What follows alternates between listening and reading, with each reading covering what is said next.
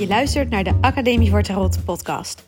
Mijn naam is Christa en ik deel heel graag al mijn tarot-ideeën, kennis, filosofische gedachten en creatieve tarot-inspiratie met jou, zodat ook jij het heft in eigen hand kunt nemen met de kaarten. Welkom, welkom en leuk dat je weer luistert. Ik heb net voor mezelf een kaartlegging gedaan en ik vond hem eigenlijk zo'n goed voorbeeld van hoe tarot je heel concreet kan helpen om even je gedachten weer te verzetten, recht te trekken. Uh, ja, jezelf even op een andere manier te laten denken. Dat ik dacht, ik ga delen wat ik heb getrokken en um, ja, hoe ik het heb aangepakt. Ik, had, ik zat vandaag een beetje vast in mijn hoofd met het doorhakken van knopen voor de Academie voor, Tarot. Ik heb uh, plannen voor dit jaar met wat voor cursussen ik wil gaan maken. Um, ja, wat voor dingen ik wil ondernemen. Maar ik zat heel erg in een, in een soort negatieve. Oh, maar vinden mensen dit wel leuk? En ik weet niet zo goed welke keuzes ik moet maken. En ik heb zoveel ideeën, maar welke moet ik dan eerst gaan doen? En nou, dat soort, dat soort dingen. En ik zat mezelf heel erg in de weg in mijn hoofd. En toen ik, heb ik de kaart gepakt. En heb ik als eerste de vraag gesteld: hoe komt het dat ik vastzit? Hoe komt het nou weer dat ik in mijn hoofd zo ja, in een soort negatieve denkspiraal terecht ben gekomen? Terwijl dat volgens mij nergens voor nodig is. Dat weet ik dan wel ergens in mijn achterhoofd, maar dat, nou ja. En uh, ik trok de zes van zwaarden. En het eerste dat in me opkwam was: ik ben aan het vluchten. Ik ben aan het vluchten voor het maken van keuzes. Ik ben de keuzes bewust aan het uitstellen. Dat is wat ik in mijn hoofd aan het doen ben. Als ik in cirkeltjes blijf denken, dan heb ik als, als, als voordeel dat ik geen knoop hoef door te hakken, als het ware. Dus dan, door mezelf lekker vast te denken, vlucht ik eigenlijk van het nemen van een beslissing. Toen ben ik een paar keer door gaan vragen uh, om een laagje dieper te komen. En heb ik gevraagd waarom. Waarom vlucht ik? Toen had ik de, uh, de twee van zwaarden. Oh, die, die gaf eigenlijk dan een beetje die extra laag van: oké, waar vlucht ik dan voor? Ik vlucht voor keuzes maken. Dus eerst als ik vlucht, dan was het eigenlijk waarvoor ik vlucht, omdat ik dan geen keuze hoef te maken. Waarom niet? Waarom wil ik dan geen keuzes maken? Toen trok ik de zes van bekers. En die gaf heel erg een gevoel van veiligheid. Het voelt veilig om geen keuze te hoeven maken. Waarom voelt het veilig? trok ik de ridder van bekers. En die gaf net even dat laagje van. Uh,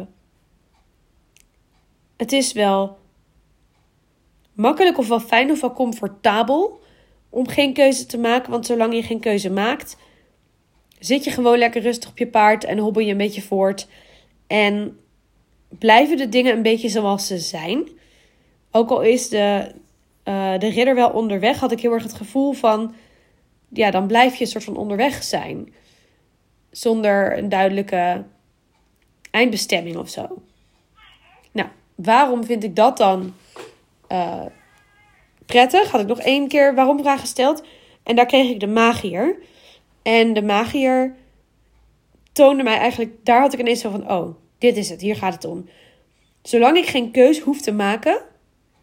kan ik lekker blijven dromen over de toekomst zonder uh, dat er een kans is dat het mislukt. Want als ik geen uh, keuzes maak, kan het ook niet fout gaan. In die zin dat het dan eigenlijk al fout gegaan is. Want als je niks begint, dan heb je ook niks te winnen. Maar die magier is heel erg. De, de, de schaduwkant van de magier is. Hij heeft heel veel potentie, maar hij moet nog wel in actie komen.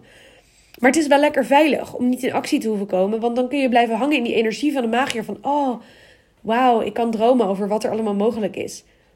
En zolang je dat dan voor jezelf in de toekomst blijft stellen, stellen van, oh ja, dat komt dus ooit een keer op mijn pad, vermijd je het om lastige keuzes te maken.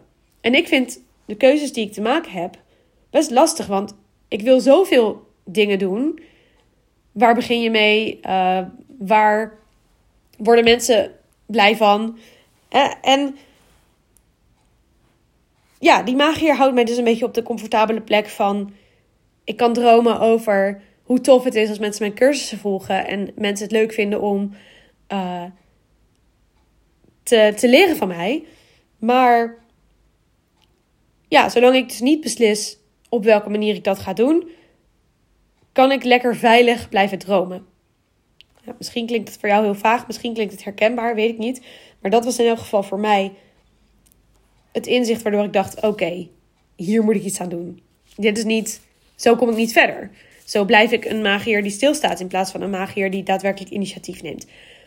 Dus ik stelde de vervolgvraag: hoe kan ik dit veranderen? Wat kan ik anders doen? En ik kreeg de aas van zwaarden. En dat vond ik heel tof, want de aas van zwaarden is ook de kaart die je ziet op het plaatje bij de podcast. Ik weet niet of het je al is opgevallen, maar uh, daar pak ik het zwaard vast. En dat is voor mij symbolisch voor het heft in eigen hand nemen. Wat is wat je met de kaarten doet. En hier dus ook van: oké, het is niks anders dan een beslissing gewoon nemen. Het maakt niet uit welke je neemt, je moet gewoon een beslissing nemen. Soms maakt het niet uit. Uh, je kunt er daarna altijd nog wel weer op terugkomen. Hak gewoon knopen door. Ga gewoon initiatief nemen. Wel vanuit kennis. De zwaardekaarten zijn kaarten die het intelligent aanpakken. Niet gewoon maar wat doen. Maar die kennis heb ik ook heus wel, weet je. Dus ja, deze kaart gaf me echt het vertrouwen van... Hak gewoon een knoop door, maakt eigenlijk even niet uit welke. Om weer even in die actiestand te komen in plaats van in dat blijven hangen in je hoofd wat ik eerst deed. Uh, toen trok ik de kaart wat kan mij daarbij helpen. En ik trok het oordeel. En voor het oordeel pakte ik heel eventjes het boekje erbij. Ik ben nu namelijk niet met de Rider Waite aan het uh, uh, leggen geweest, maar ik heb de This Might Hurt Tarot gebruikt. En daar stond in het tekstje erbij. De afbeelding is namelijk heel anders dan bij de Rider Waite Smith, dus daarom dacht ik, ik pak even het boekje erbij. En hier staat: uh, The judgment card is an invitation to look objectively back on your life and your choices. Who have you been and who do you want to be? En vooral dat laatste zinnetje, dus wie ben je tot nu toe geweest en wie wil je zijn? Dus wat mij kan helpen is heel erg nadenken over: oké, maar wie wil ik zijn? Wat wil ik neerzetten? En dat leidend laten zijn. Nou, vervolgens vroeg ik: wie mag ik dan zijn? En toen trok ik de geliefde. En daar was voor mij een heel, het concreetste, kortste antwoord. Uh, iemand die haar hart volgt. Wees maar iemand die haar hart volgt. Die doet wat ze leuk vindt. Waar ze van gaat stralen. Uh, waar ze zich liefdevol mee wil verbinden. Dat, dat is precies ook wat dit werk voor mij is. Dus deze kaart was weer even de terughalen van dat positieve gevoel van... hé, hey, wat maak je het jezelf nou moeilijk? Je doet toch wat je leuk vindt? Hoe mooi is dat? En hoe prachtig. En daar kun je toch ook dankbaar voor zijn. Uh, dus iemand die haar hart volgt. En toen, als laatste vraag had ik nog, wat zegt mijn hart? En toen trok ik de acht van pentakels.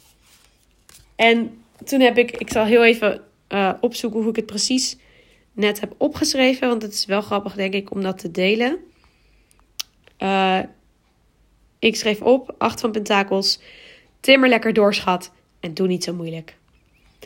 Dus gewoon lekker doorgaan met aan de weg timmeren.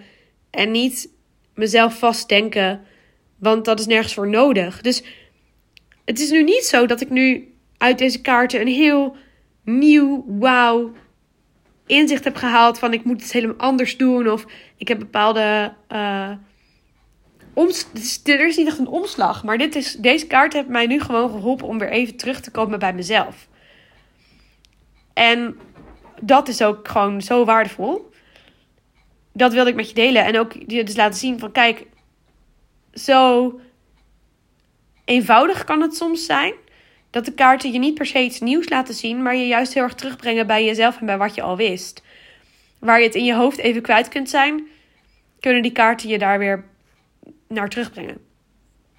Dat vind ik, dat vind ik zo krachtig aan, aan de tarot. En ja, ik wilde je heel graag even meenemen in dit momentje dat ik uh, mocht ervaren om je te laten zien wat de, ja, wat de kracht is van die kaarten. Goed, tot zover. Dankjewel voor het luisteren weer en tot de volgende.